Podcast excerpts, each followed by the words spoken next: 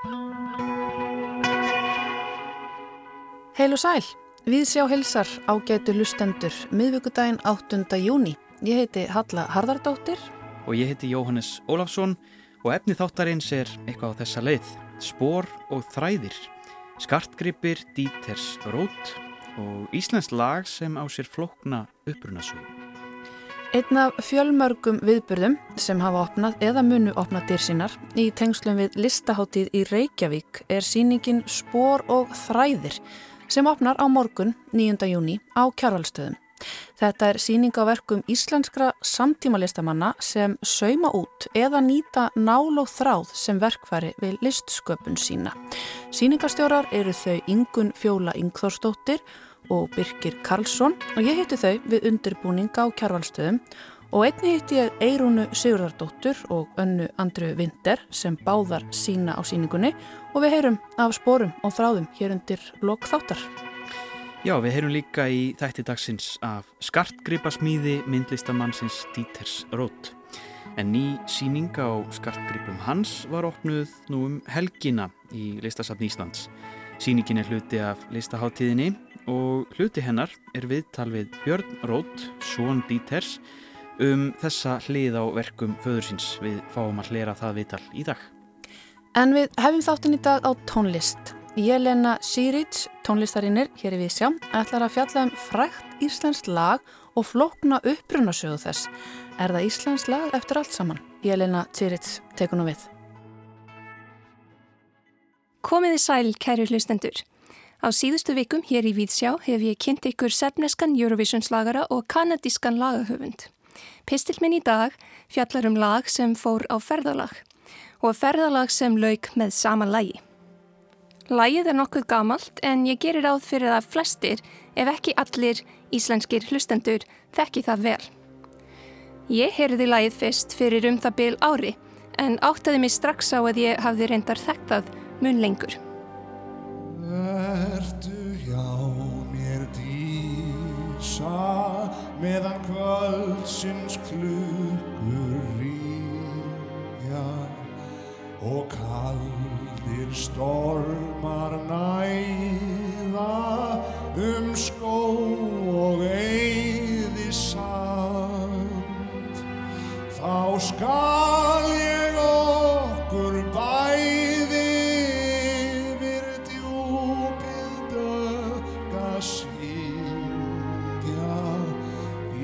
í dalinn þar sem ætla ég að byggja minna land. Já, Dalakofin er lagið sem ég ræði um í dag. Tekstin er ljóð eftir Davíð Stefánsson frá Fagraskói. En þegar ég heyrði íslenska lagið í fyrsta skipti, þá fannst mér það þó kunnulegt. Ég var alveg viss um að ég hefði heyrt þessa laglínu, þennan hljómagang, annar staður í öðru samhengi. Hvert var það samhengi aftur? Já, einmitt.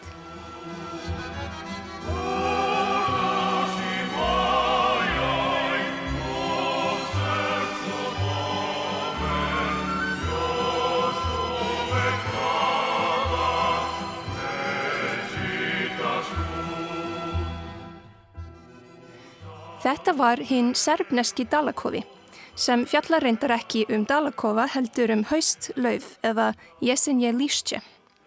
Fjölskylda mín er serbnesk og þessi útgafa heyrðist reglulega á æskuheimili mínu. En þá blasir við spurningin. Er þetta Íslensk lag eða serbnest? Svarið er nokkuð augljóst. Það er kvorugt. En því meira sem ég rannsakaði þetta lag, því fleiri útgáfur rakst ég á og þeim mun fleiri tengingar þerra á milli. Dalakofin ferðaðist um mest alla Evrópu og víðar á síðustu öld. Ferðalagið byrjaði árið 1908 þegar lagið kom út undir nafninu Songe d'Automne eða Haustdraumur. Þó titillinn sé franskur þá var höfundur þess breskur maður að nafni Archibald Joyce. Joyce samti lagið fyrir einleikspiano án texta eða söngs. Joyce fættist í Lundunum árið 1873. Hann byrjiði ungur að semja létt danslög og Songe d'Automne var það fyrsta sem varð vinsælt. Hann átti fleiri slagara á næstu árum og valsar hans örðu svo vinsælir að hann fekk viður nefnið Valsakongurinn.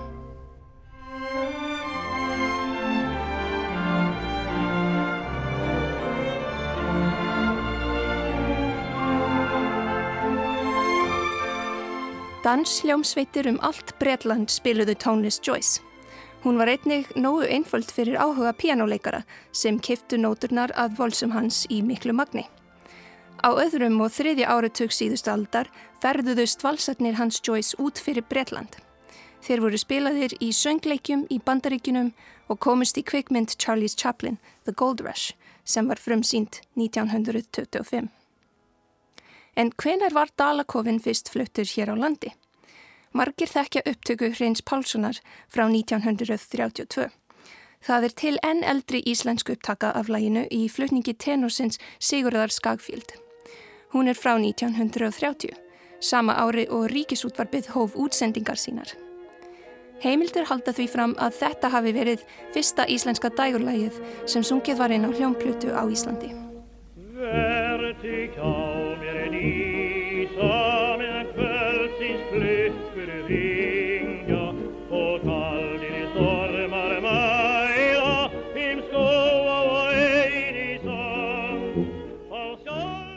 Það getur verið að Sjónstóttamn hafi komið til Íslands í gegnum Norðurlöndin.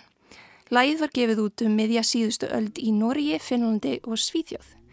Hér er brot úr sænskri útgáfu Karls Holmbecks frá 1951 en í Svíþjóð er lægið þekkt sem Haust draumar.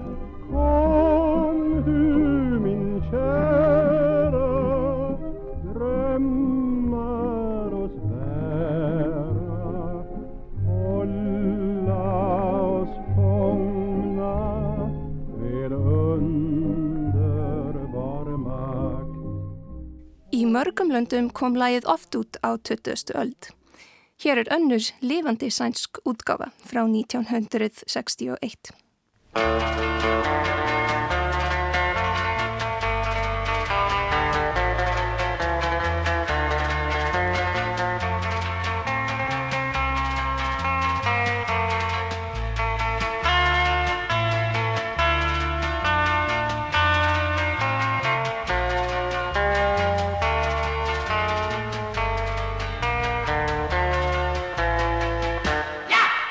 Í Serbíu eru líka til margar útgáfur af læginu en það er spurning hvernig það hafi komið til heimalandsmýns.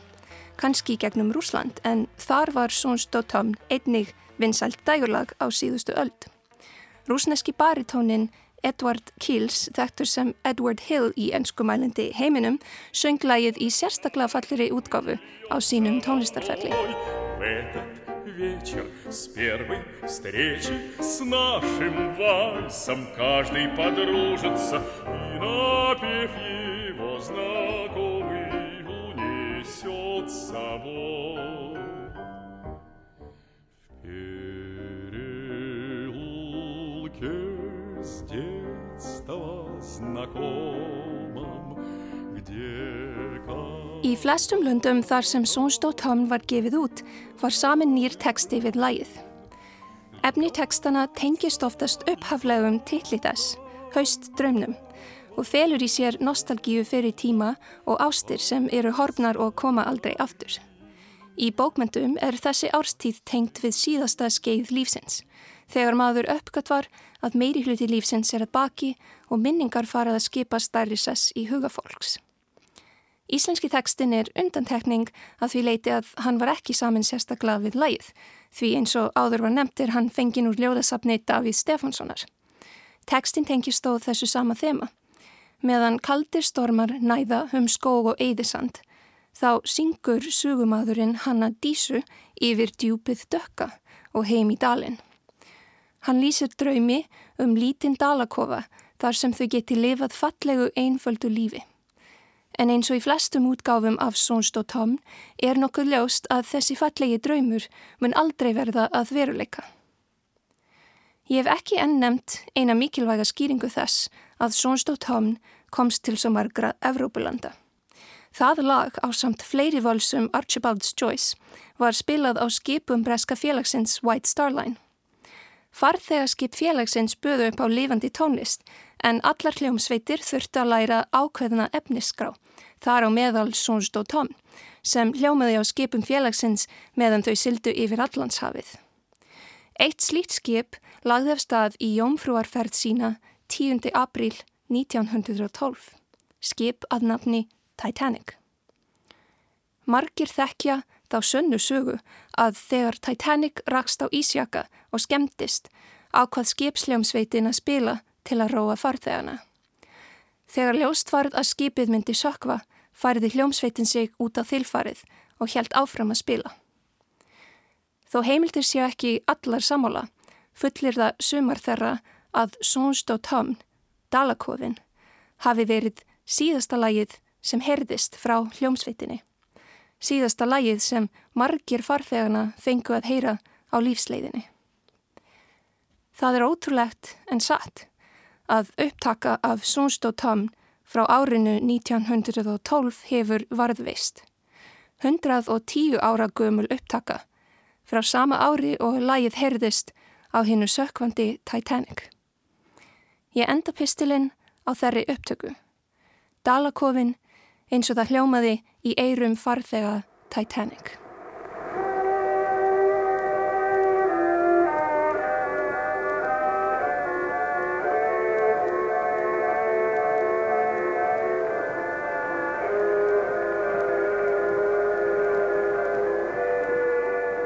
Jelena Tsirits, tónlistarínir, rakti þarna uppbruna sögu lagsins Dalakofin sem er tölvert flóknari og alþjóðleiri en áður hefur verið talið.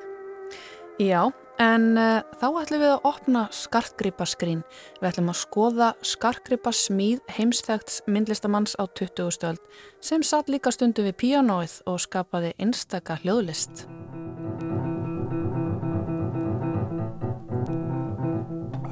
Hört man das Gluckern der Flasche und so weiter? Hört man das, wenn ich so aha mache? Hér heyrum við rött og reyndar píjánuleik myndlistamannsins Díters Rót sem að fættist í Hannover í Þýskalandi árið 1930 en lést í Sviss árið 1998. Díter Rót var á síðara hluta 20. aldar mikilvægur brautriðandi í listsinni, hæfilega skeitingarlausum listrænar takmarkanir og hefðir. Hann var í senn frumkvöðull, skáld, tónlistamæður, kvikmyndagerðamæður og myndlistamæður. Díter Rót var reyndar í fyrstu mentaður hönnuður vann við hönnun ímiskonar yðnvöru og matvæla. En hann bjó hér á Íslandi um ára byl. Það var Ástin sem að dróðan hinga til lands árið 1957. Þá giftist Díter Sigriði Björstóttur, eldana til landsins og stopnaði fjölskyldu. Díter starfaði hér að ýmsum verkefnum og það var í rauninni hér sem hann hóf eiginlegan myndlistar ferilsinn. Ég byrju um Verzeihung, mir fällt gar nichts ein. Auf Wiedersehen. En eins og hlustendur vita þá er listaháttið Reykjavík hafinn og framlag Listasaps Íslands til háttíðarinnar að þessu sinni er ný falleg síning á skartgripum Díters Rót sem hann vann í fyrstu í samstarfi við Sigriði konu sína heima við eldursporðið en síðar baust betri aðstæða á verkstæði Haldós Sigurssonar guldsmiðs við skólafurustík 2. Fyrir rest voru skartgripir Díters framleitir erlendis. Já, Dítar Rót var nefnilega lungin og frumlegur skartgripa smiður. Greipina gerðan til dæmis úr skrúum, boltum og öðrum mekanískum hlutum, setti saman á mismunandi vegu og breytti virkni þeirra og tilgangi. Nálgunin var þá svo sama og enkendi myndlistans að nýta ímiskonar efni sem að almennt var talið rusl eða úrgangur og umbreyta því. Á síningunni í Listasafni Íslands er að finna myndviðtöl við Sigriði Björstóttur fyrir með einkonu Díters og sonans Björn Rót sem undriðar tók við þau fyrir safnið. Myndböndin má sjá í sérstakur rými inn af síningunni sem er í einum salasafsins. Við sjá fær að hlera hér hljóðrásina úr öðru þessara myndbanda. Við heyrum spjall við Björn Rót um skartgripagerð föðus hans. Darf ich darum bitten, alles wegzulassen? Björn hvaða fyrkt var þetta á föðunum að fara að gera skartgripi á sín tíma uh, var þetta bara varð allt einhvern veginn að efni við þegar kom að myndlist Dítas uh, Dítar hann lit ekkert uh, ógert í sjálf og sér hann tónlist, uh, myndlist, prent, uh, rýtlist, bókagerð og, og en þetta byrja hjá orðum með skarkriðbenna í lók, að mér skilst í lók, já, svona 57-8 af því að móði mín Sigriður og hún var byrjuð að gera skarkriðbi og hann fór að fullu í það með henni. Og uh, af því að hann uh, talaði um að quantity var quality. Og hann, held bara áfram að fullu í, í skarkriðbagerð og gerði alls konar tilraunir með það alveg í 20 ár. Fyrst uh, unnuðu saman við eldursporðir heima á Áslagötu og uh, síðan fór hann að framleiða með guldsmiðum í Lútsærin í Sviss og, uh, og reyndi allar variasjónir af og, og, og fórum víða völl í þessar skarpræðugerð. En var þetta í fyrstu, sko, man, tilfinningin sem maður fær er doldið svona fyrir, hvað maður segja, uh, þessu fundna efni, hann dettur um eitthvað, maður fær svona þá tilfinningu að þetta sé mjög svona improviserað eitthvað. Já, það var hérna, hann, uh, hérna á Íslandi þá um, uh, fór hann fljótlega í að það að rífa í sundu klukkur og nota úrverk í ringi og arbund og hálsminn og uh,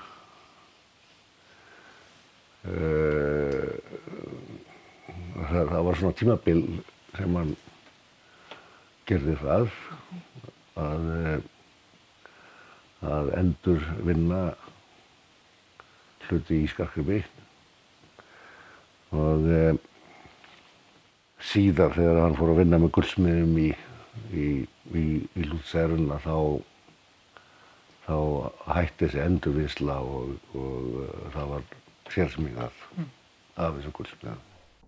Immer weiter spielen, ne? Immer weiter aufnehmen bitte, keine Pause, nicht? Ja, bitte, keine, bitte nichts sagen. Aber das können Sie ruhig auf der Platte lassen. Wir machen denn das äh, nicht weg. Falls Sie noch solche, mehrere solche Bemerkungen haben, können Sie entweder verkneifen oder nicht verkneifen.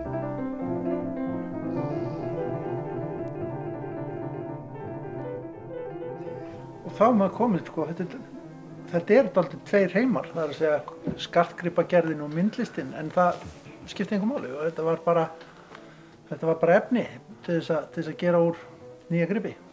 Já, já, hann hérna, sko, hann var mjög alvarlegu vörkahólik Já. og hérna, og uh, hann uh, sko svaf ekki nema svona þrjá, fjóra tíma sólaring og sennilega uh, áhrif frá er uh, stríðsóra barn og uh, ólst upp við, við sprengjuregn bandamanna á Hannover þar sem hann var rættur út Berlin. Hann eiginlega gæti ekki sofið sko. og hann bara vann og vann og vann sko. og hérna og eh, og eh, ég vann með honum í 20 ár og ég fór að sofa þá var hann vinnandi og þegar ég vaknaði þá var hann ennþá vinnandi sko og hann var með yfirleitt allt undir í einu og alveg fram á dánar dag hann aðeins skakkripi líka sko. Já. Já, þetta er eitthvað sem er ekki bara stutt tímabil, þetta er ekki fyrt í smá tíma, Nei, já, þetta eitthvað sem að, fylgdi honum alla tíð sko. já, og um, töluðu um það, af hverju þetta var heillandi fyrir hann líka með, með öðru? sko hann uh, hann hérna orðið list fór aldrei yfir hans varir eða eða eða verk. Að hann talaði alltaf um dót og drasl og hérna og hérna og þegar, þegar við vorum að fara að vinna saman á, í stúdíum okkar sem voru í, í mörgum löndum þá talaðum við um að grams á lagarnum og það var að fara í vinnuna. Þetta hérna lærði ég honum, svo að segja að ég er ólst upp fyrir þetta, að vera með marga hluti í gangi einu. Nógu í gangi, bara Já, alveg. já. Og var, sko, að, að fylgjast með honum vinna til dæmis, var það, sko, maður mað, mað ímynda, ímynda sér eins og að hafi verið mikil aksjón í gangi, hafi verið mikil, svona, allir sláttur og læti á honum, var það oft þannig, eða, eða var það filosófía? Nei, já, engin leiti. Nei, það var bara rólegheit. Já, einhver, já. Mjög einbeittur og, uh, og svo heyrðir ekki í honum. Nei, músin sem læðist bara. Já, músi sem læðist, sko, og hérna, en e, það, það var bara þegar hann var að halda tónleika, sko, hérna, það voru læti í honum, sko. En e, annars fór ekkert fyrir honum. Og maður vissi aldrei hvað hann var, hérna. En e, hann e, svona lættist á milli, milli borða, það sem hann var með mismöndi prójekt í gangi. Eitt sem maður hugsa til það er að, að sko gullsmíði er eitt en, en gullgerðarlist er annað og það er einmitt eins og þú lýsir því að kalla það dót og drasl og búa til úr engu. Já, Samtímalistin er einmitt svona, menna, það, það, er oft búið til gull úr engu. Já, já. Sko, hérna, hann var sérfræðingur í endurvinnslu og það var allt endurvinnir. Það var e- eiginlega engu hend. Sko, það hérna reyndar á sjötta áratugnum og, og þá e, var hann konkrétlistamæður. þá var öllu hend Já. eins og þegar að hérna þegar að uh, móðum í Sigriður og hann giftust þá og, og var mikið brúðagjöfum þeir voru öllu hend Já. hérna Ekki látið þvælast fyrir. þelast fyrir og það var hérna það var svona algjör minnvalismi og eh, og eh, hann smíðaði húsgögn sem að voru þannig var hægt að að, að pakka saman og eh, og bera á bakinu burt Þannig að það var, þegar ég fæðist og þá voru, þá voru öll húsun þannig að það var, ekki, það var hægt að taka þau og bara lappa með þau sko að staðar. En svo breytist þetta og hérna og þá allt í hennu byrjar hann þessu- þessari svakalegri söfnun og endurvinnslu og fór að búa til sín verk. Nýtt samhengi, endalust nýtt Já, samhengi. Og þannig, þa- þannig sjáum við líka þessa fyrstu gripi. Að hann er að raða saman einhverju sem hann finnur til, rýfur innan um klukkum Já, og, og já, einmitt. Og það er hérna, það er hérna, sko, þetta eiginlega byrjar þegar hann fyrir að, eh, að eh, endurvinna eftir klukkum fyrir skarkribi.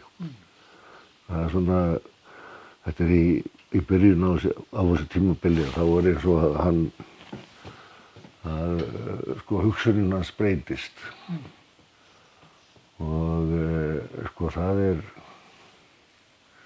sennilega 60 eitthvað sem að uh, 1960-61 sem hann fer að nota úrverk. Og það er á síðan tíma sem að uh, hans myndlistastíl breytist.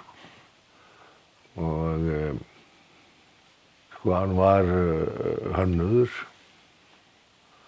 lærður hannöður og hann unni við það. Bæði í Sviss og í Danmörku. En hann gerist uh, myndlistamæður á Íslandi. Og hérna, hann reyndar ungur þá hafði hann verið að mála og svona, sko, en, en uh, sko hann vann eins og ég Halldóri Gullsmið smíðaði mikið fyrir hann. Sem var líka því að hann fekk aldrei atvinnuleifi á Íslandi. Og hann var í giftur og ætti börn það var einhvern veginn lenska þá hann, hann var alltaf í bakherbyggjum vann fyrir arkitekta og, og, og uh, gullsmiði. Og hann smíðaði mjög mikið fyrir Halldór sem var kallað Halldór Gull. En Halldór seldi þetta allt sem sína hluti. Af því það mátti ekki fréttast að, að þetta væri eftir, eftir pappa Þegar hann hafði ekki leiði. Já, En þetta með úrverkið er þetta áhugavert. Það er þetta fallegt að taka innan úr gamlu standklukkunni hennar ömmuðinnar og, og, hérna, og bera það svo að hundu þér. já, ég hef alltaf ég hef verið hrifnastur af þessum gripum Frumlegast inn einhvern veginn. Já. Og ég, sko, þá var enginn sem að bara þetta. En uh, núna er þetta orðið mjög eftirsótt. Og sjálfgeft. Já. Langt á undan sinni samtíð eins og í mörgu. Já, það var svona, það var hérna hans stíl svolítið. Haben wir 45 Minuten, haben wir 45 Minuten Aufnahme oder nicht? Ja. Dann haben wir sie. Nein, noch nicht, noch fünf Minuten zählen. Ah ja. Aber Sie nehmen das alles auf, was jetzt kommt. Das gehört dazu, nicht? Natürlich. Bitte? Ja, dann spielen wir den da nochmal. Dieter Roth við pianoið, ekki alveg búinn að fylla upp í 45 mínúturnar sem hann ætlaði sér og spilar því bara áfram. Þarna heyrðum við viðtal sem Guðni Tómasson tók við Björn Roth, són Dieters og Sigriðar Björnsdóttur fyrir listasafn Íslands og er hluti af síningu á skartgripum Dieters Roth í safninu sem er hluti af listaháttíð í Reykjavík. Það var starfsmæður safnsins Sigurður Gunnarsson sem gerði upptökuna og þarna heyrðum við líka Dieter sjálfan úr gamalli hljóðritun. Og við höldum okkur við dagskrá listaháttíðir í Reykjavík og höldum okkur einnig við handverk.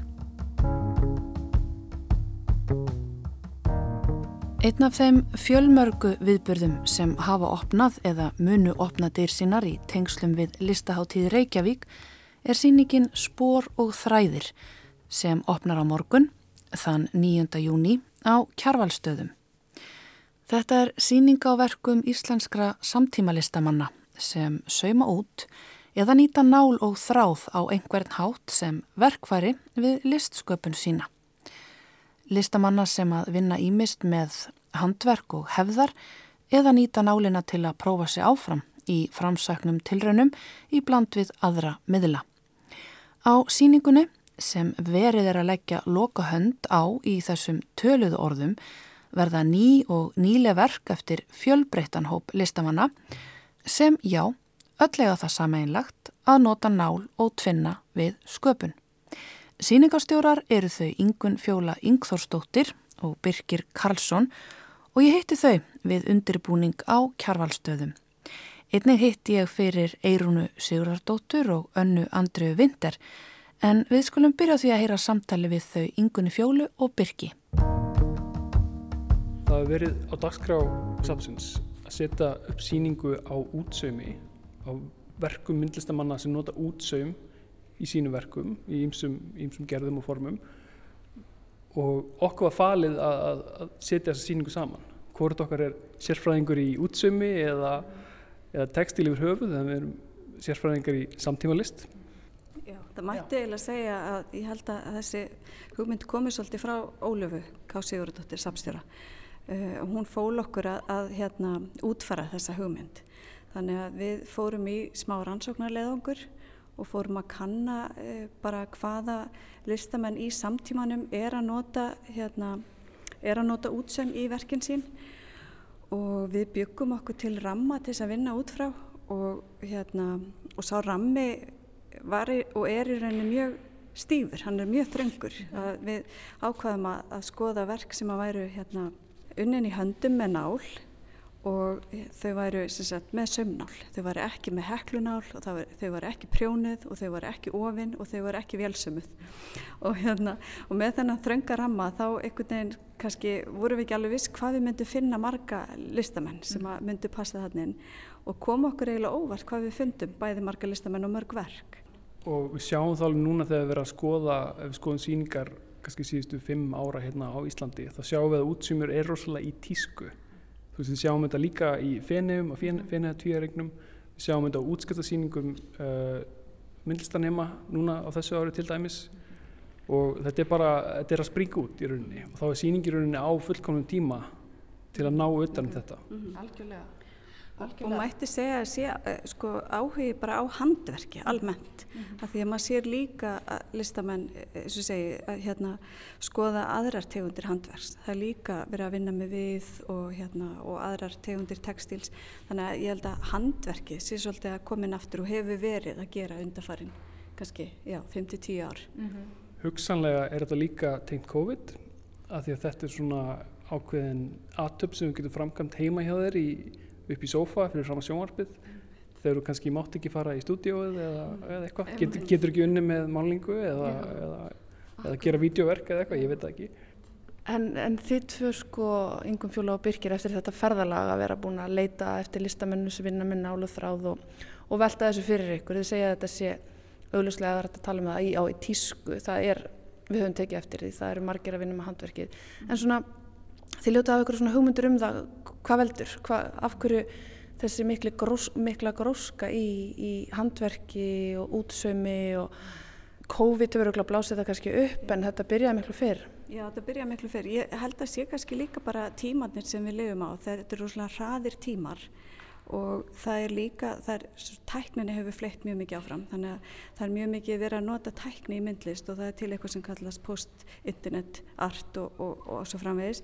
Að ég held að sé sko bara ákveðin hópi myndlistamanna sem að, kannski sækist í svona andstæðu þess að sérst, fara ekki í tæknina og fara hérna og það er ymmit hérna áhugavert á þessari síningu að það eru uh, þetta eru allt verk sem eru í efnum, það er engin vídeoverk, það er enga varpanir, þetta er allt uh, munir.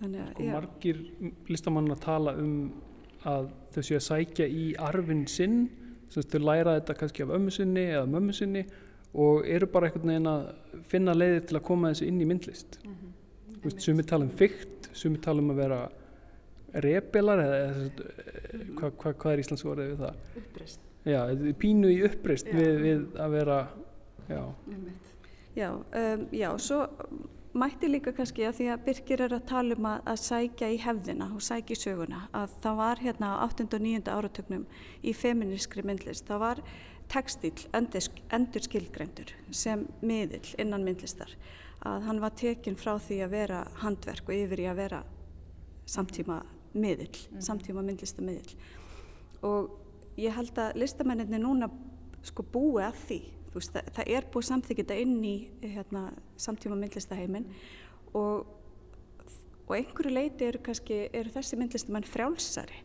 að þau eru kannski meira sko, já, þessi sko feministka myndlist þá var þetta kannski bundi við hérna svona pólitíska nálgun, feministka nálgun en hérna er einhvern veginn alls konar nálgun mm -hmm. það er bæði uh, pólitísk verk en það eru líka bara mjög svona hvað ég segja, létt og ljóðrann verk. Og þú veist, það eru ádeiluverk en það eru líka svona svona bara að vera fást við hverstaginn og hérna og svona, já, erfitt að segja léttvægari mál -hmm. en, en svona kannski uh, vera að vinna út frá kannski öðrum já, annari hugmyndafræði Já, einmitt. Það var svona pólitískari sögn í handverkinu kannski á þeim tíma. Já, og það er alveg pólitísk verk hér, Já. það er alveg ádeilu verk hér, til dæmis hérna uh, Gerla, Guðrún Erla Gerstóttir, hún er með verk hérna, tvö verk sem eru hérna mjög, hvað segja, hérna eiga mjög mikið erindi við samtíman. Annað er reyndar aðeins eldra verk en það fjallar um uh, stöðu hvenna í, í hérna restingastörfum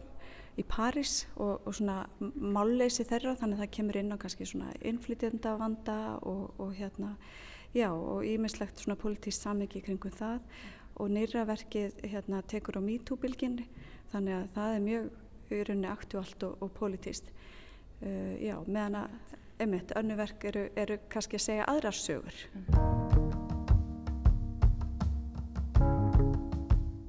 Eins og framkom hér í spjallinu þá er það ansi fjölbreyttur hópur fólk sem að sínir á síningunni Spor og þræðir á kjarvalstöðum. Þetta eru þau Agnes Ársælsdóttir, Anna Líndal, Anna Andrea Vinter, Eirún Sigurðardóttir, Erla Þórarinsdóttir, Guðrún Erla Gerstóttir eða Gerla, Guðni Rósa Ingimarsdóttir, Guðrún Bergsdóttir, James Merri, Kristinn G. Harðarsson, Kristín Gunnlaugsdóttir, Lógi Höskuldsson, Petra Hjartardóttir og Rósa Sigrún Jónsdóttir. Ég var svo heppin að hitta á þær Eirunu og Önnu Andru í morgun. Við skulum byrja því að heyra spjallið við hana Eirunu.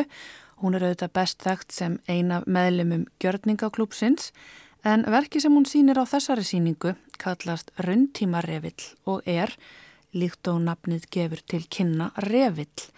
Þó ekki revill í þeim hefbundna skilningi sem við þekkjum, Eirún er ekki að skrásetja með þræðinum sögu sem þegar er liðin, heldur er revillin skrásetning á COVID-faraldrinum í rundtíma, í sófanum heima með þrýegið í beitni.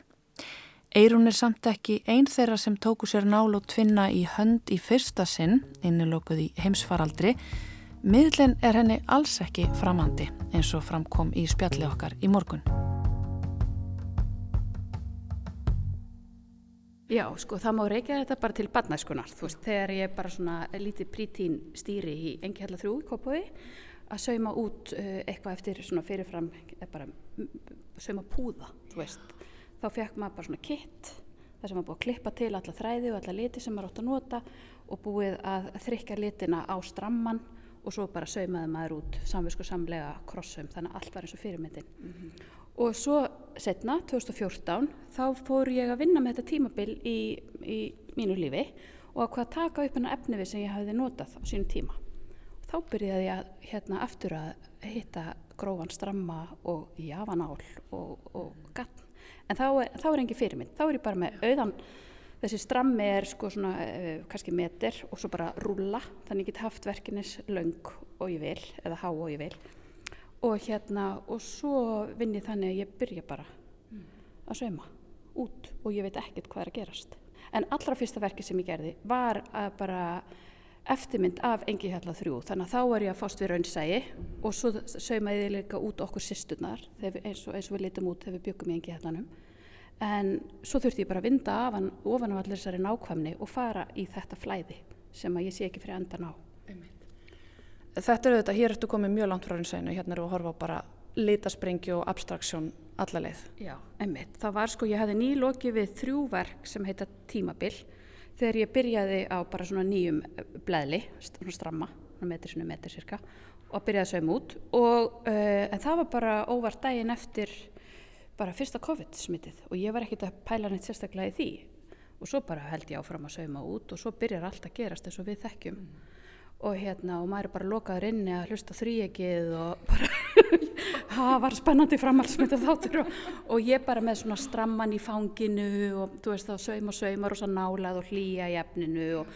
eitthvað svona og, og svo er alltaf verið að tala um einhverja kurvu og það þurfa að jafna einhverja kurvu og eitthvað svona og svo sé ég bara hvað ég er að gera það er alltaf inn að byrja, sér þarna einhver lína að hækka hérna í fyrsta, fyrsta hlutaverksins, mm -hmm. verkið er svona í fimm hlutum þó það, mynd, það og hérna þannig ég hugsaði ok, ég ætla að klára þennan fyrsta bút þegar við erum búin að ná toppnum á þessari kurvu og ég ger það, það er þannig og svo tek ég svona aðeins lengri stramma þegar við erum að fara að reyna að stramma okkur af og, og klára þetta COVID-dæmi. Og þá er orðið svolítið lítið af litum eftir hjá mér og, bú, og búðin af gatninu sko og, og búðin meirum en að lokuð Þannig að maður getur þegar maður horfir á, á revelin þá sér maður hvað eru fátaklegra litaúrval í hlutanum með tvö.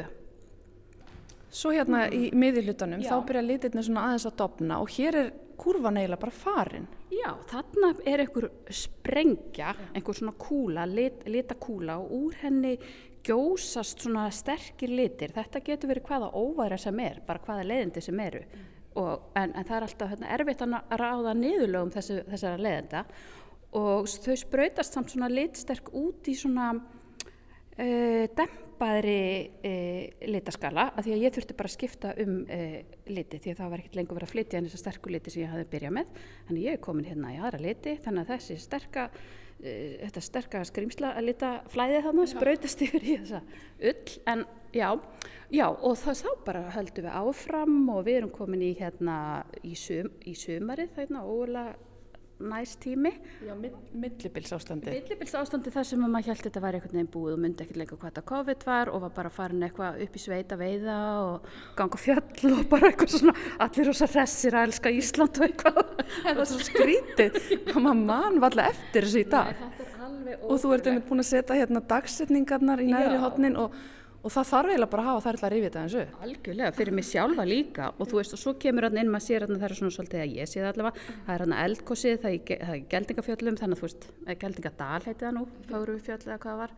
Já og þannig er eitthvað, þú veist bara lífið eitthvað neginn seittlar inn í, inn í nálina og, og þráðin og hérna verða litinir allir svolítið dempaðri.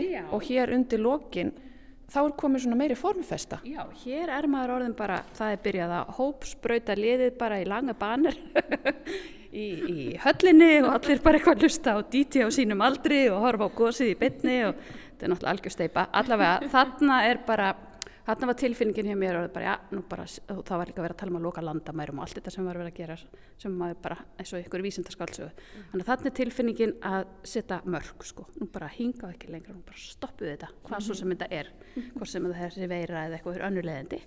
Og svo, svo höldum við hérna bara áfram og svo endar uh, rauntímarjöfillin í svona framtíðar mósku því við vitum ekkert hvað er að gerast og hann endar daginn sem að grímuskylda var aflett og ég flýg á brauð til Rómar í 50 samali til vinkonu minnar. Framtíðin er a little did we know. Nei, svo kemur náttúrulega annað afbreyði og eitthvað svona. En ég ákvaði að þarna væri orðið gott af þessum rauntímarefli sko við erum auðvitað að hlæja þessu núna það er hægt að hlæja þessu svona í baksíndispeglunum en þetta var ekkert grín á sínum tíma Nei, þetta var auðvitað ekkert grín fyrir þá sem að veiktust alvarlega, fyrir þá sem að mistu nákomna og bara auðvitað alls konar fjárhagslegar bara hérna mm -hmm. hryllingur sem fólk lendi í en ég var bara ótrúlega heppin, ég var að hluta til á starfslaunum en þú veist ég þurfti ekki að vera bara buguð að afkoma óta þannig þú veist ég horfið tilbaka til þessa tíma svona meira sem að ég hef fengið bara tíma til að kjarna mig mm.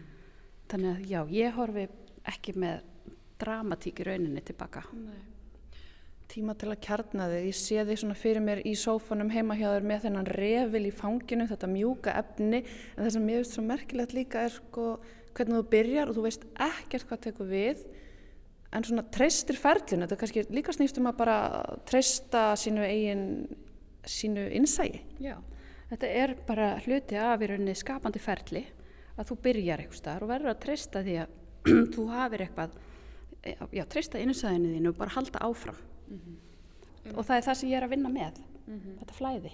Við vorum að ræða þetta hérna við Ingun Fjóla og Birkir þessar bylgjur sem verður fyrir gangi og reynda búin að vera í gangi eitthvað tíma. Það eru margi myndlistamenn að nota keramík, textil jafnveil tréskurð og svo framvegis. Og þetta búin að vera gangi eitthvað tíma og kannski svona sprakt aldrei út í COVID vildu þau menna Hvaða hugmyndir hefur þú um þetta?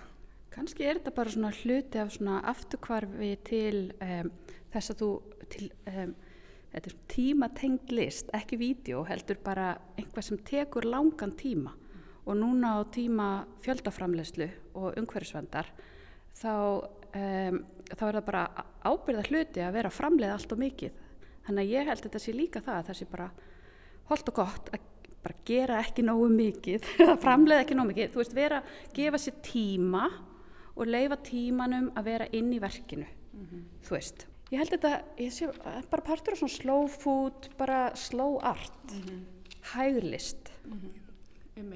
Þetta er bara tíðarandin sem við erum að ganga í gegnum Já, ég held að algjörlega, þetta er bara partur af tíðarandan Í þínu verkum í gegnum tíðina þá hefur leiðið svona feminísku þráður það held ég að sé óætt að segja og uh, það er örglagt að segja benda á einhversu sögn hér í þessum verkum þar sem að það á við uh, við töluðum hérna um við yngum fjóla og byrkir að þetta hefði þetta verið mjög svona pólitísk sögn kannski á 7. og 8. áratögnum en það er svona kannski öðruvís í dag Sko fyrir mig í þessu tilfelli núna tengist þetta eins og ég segi barnaskunni og ég var stelpa, er hann þá í því kyni og hérna um, uh, kannski hefði ég ekki verið að sauma út púða, það er ólíklega ég hefði verið að gera það ef ég hefði verið strákur. Og það er að leiðandi og ég er að sækja í meina menningu og hún er auðvitað tengt kyni þannig að ég kemst ekki undan því. En það er alveg rétt, veist það var meira kannski statement svona 1970 að vinna með nál og þráð og svona bara mjög skýrt inn í hérna annar bylgu feminismann mm -hmm. en og það er alveg ennþá, það eru færri karlar sem að tengja við þennan efni við. Hann liggur okkur konunum næra því að hann hefur verið lengur partur á okkar menningu. Mm -hmm. Þannig að við bjóðum bara kallana velkomna, það er ekkit óttast og það er bara nál og þráður er bara gífulega skapand og spennandi efni við að vinna með.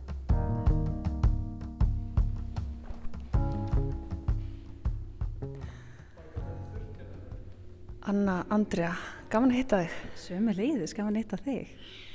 Hérna, þú ert að hengja munþurkur á vegg. Segð okkur frá því, hvað er hér að gerast? Heru, þetta er sem sagt seria sem heitir Munþurkusafnið.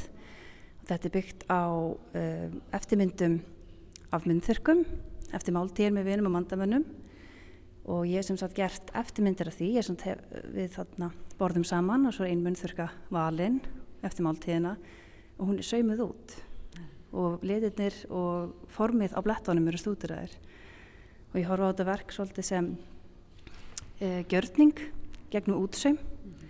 þar sem að blettir eru e, helstu óvinnur útsaumsins á samt rifum en þarna eru blettirnir sem sagt í aðalhutverki og fá vægi mm -hmm. sem munir í raun og veru Þannig að þú ert ekki bara að gefa ykkur gaum, heldur líka bara mikinn tíma.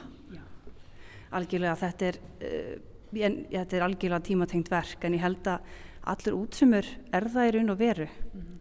Að því að mann getur einhvern veginn ekki flýtt ferlinu, maður þarf einhvern veginn að taka bara eitt spór í einu. Mm -hmm. Og það er svo, er svo merkilegt við hennar miðil að hann eh, er svo hægur og nákvæmur mm -hmm. og það er, já, ótrúlega spennandi í sérstaklega svona hröðu samfélagi. Þú ert hérna, þau sögðu mér hérna áðan og þú varst bara að lenda, þú varst að koma fór Glasgow og þú varst að útskrifast úr meistaranámi. Uh, er, er þetta eitthvað sem þú tókst upp þar, uh, nálu þráður eða hvað? Algjörlega, ég var, uh, ég sem sagt kom til Glasgow til að hefja nám árið 2020 og ég held að við veitum öll hvað gerðist þá og þá um mitt tók ég, tók ég upp nálina og þá um mitt var þetta hérna verk til eldhús aðtapnir og þá fór ég að hugsa mikið út í aðtapnir sem eiga sér stað innan heimilisinn sem er ótrúlega hraðar og ég var að hugsa mikið út í uh, þjóðfræði og hvað svona hverstagslegir um, hlutir eru lítið skrásettir mm. og mér langaði líka að fá fólk til að tengja svolítið við þessa daglegu aðtapnir uh, á annan hátt og brjóta það svolítið upp eins og til dæmis að hella upp á kaffi eða sjóða vatn Þannig á þessum viskastykkjum þá sauma ég út þessa leifinningar að gjörningum og sendi á fólk til að framkvæma og þau skrifuðu texta. Þannig að gjörningurinn sjálfur er ekki sínilegur í verkinu, heldur bara aðeins undirbúningurinn í útsaum. Mm -hmm. Mér fannst útsaumurinn líka einmitt vera ótrúlega spennandi að vinna með e, tilbúið viskastykki. Mér fannst það svolítið fyndið og vinna með svolítið svona íkja mm -hmm. bæklinga fagumfræði í gegnum útsaum sem er vanlega svo ótrúlega fingjaður en já, svo uh, núna eftir stendur viskastekkin með blettum á já. og texti Einmitt. eftir hann er gjörningurinn sjálfur er ekki beint sínilegur Einmitt. Þetta er eitthvað svona afur hérna sem að hangir svo fallega á vegnum. Það er þess að servitunar á einu vegg og svo er hérna viskustekkin á öðrum vegg.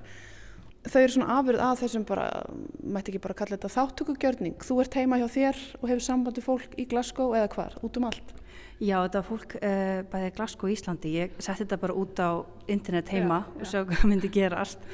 Um, og já, þetta fór sem sagt bara, já, þetta var sem sagt tengdi fólk svona óbeint. Þetta, fór, þetta, þetta verk var til innan vekja míns heimilis og svo fór þetta inn á heimila annara. Mm -hmm. Þannig að þetta er mjög svona, þetta er þáttökugjörningur en líka hægt að segja að þetta sé Uh, hvað segir maður, site specific eða eitthvað svoleiðis það kemur á eldhúsi Einmitt. og þetta, já, þetta var svona svolítið prívat augnablik sem var skrásett.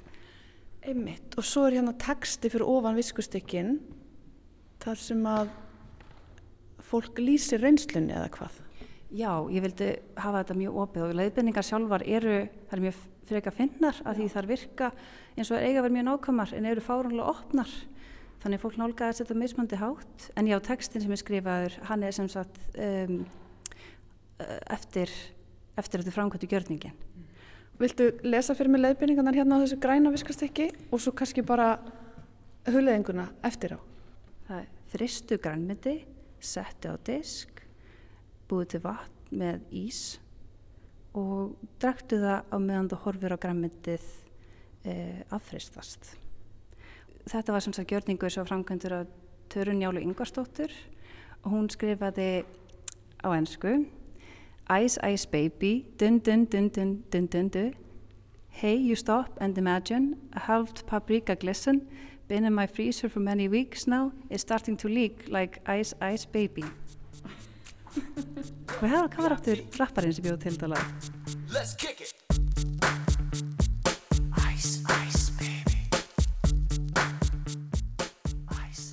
Anna Andrea, heldur þú að þú er eftir að halda áfram með nálu þráð eftir, það má ég lega segja að eins og verkið hennar eirunar sem við vorum á spjallan áðan, þetta er þetta bara alveg bein afleðing af faraldrinum. En heldur að þetta sé eitthvað sem að sé komið til að vera í þínu verkum eða hvernig, hvað heldur þú?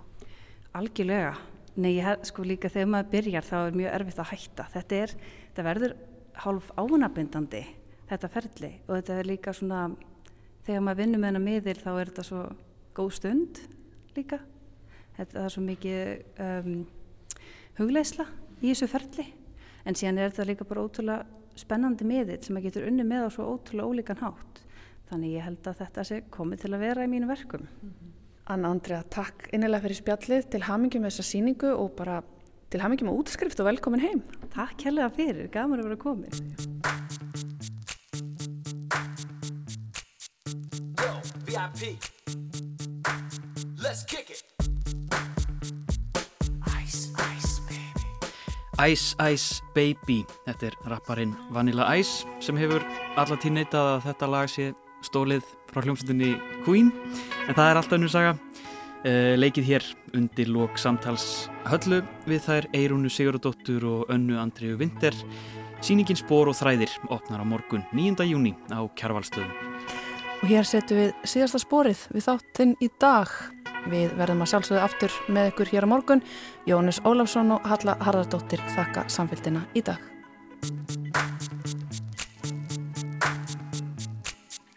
Yo, VIP Let's kick it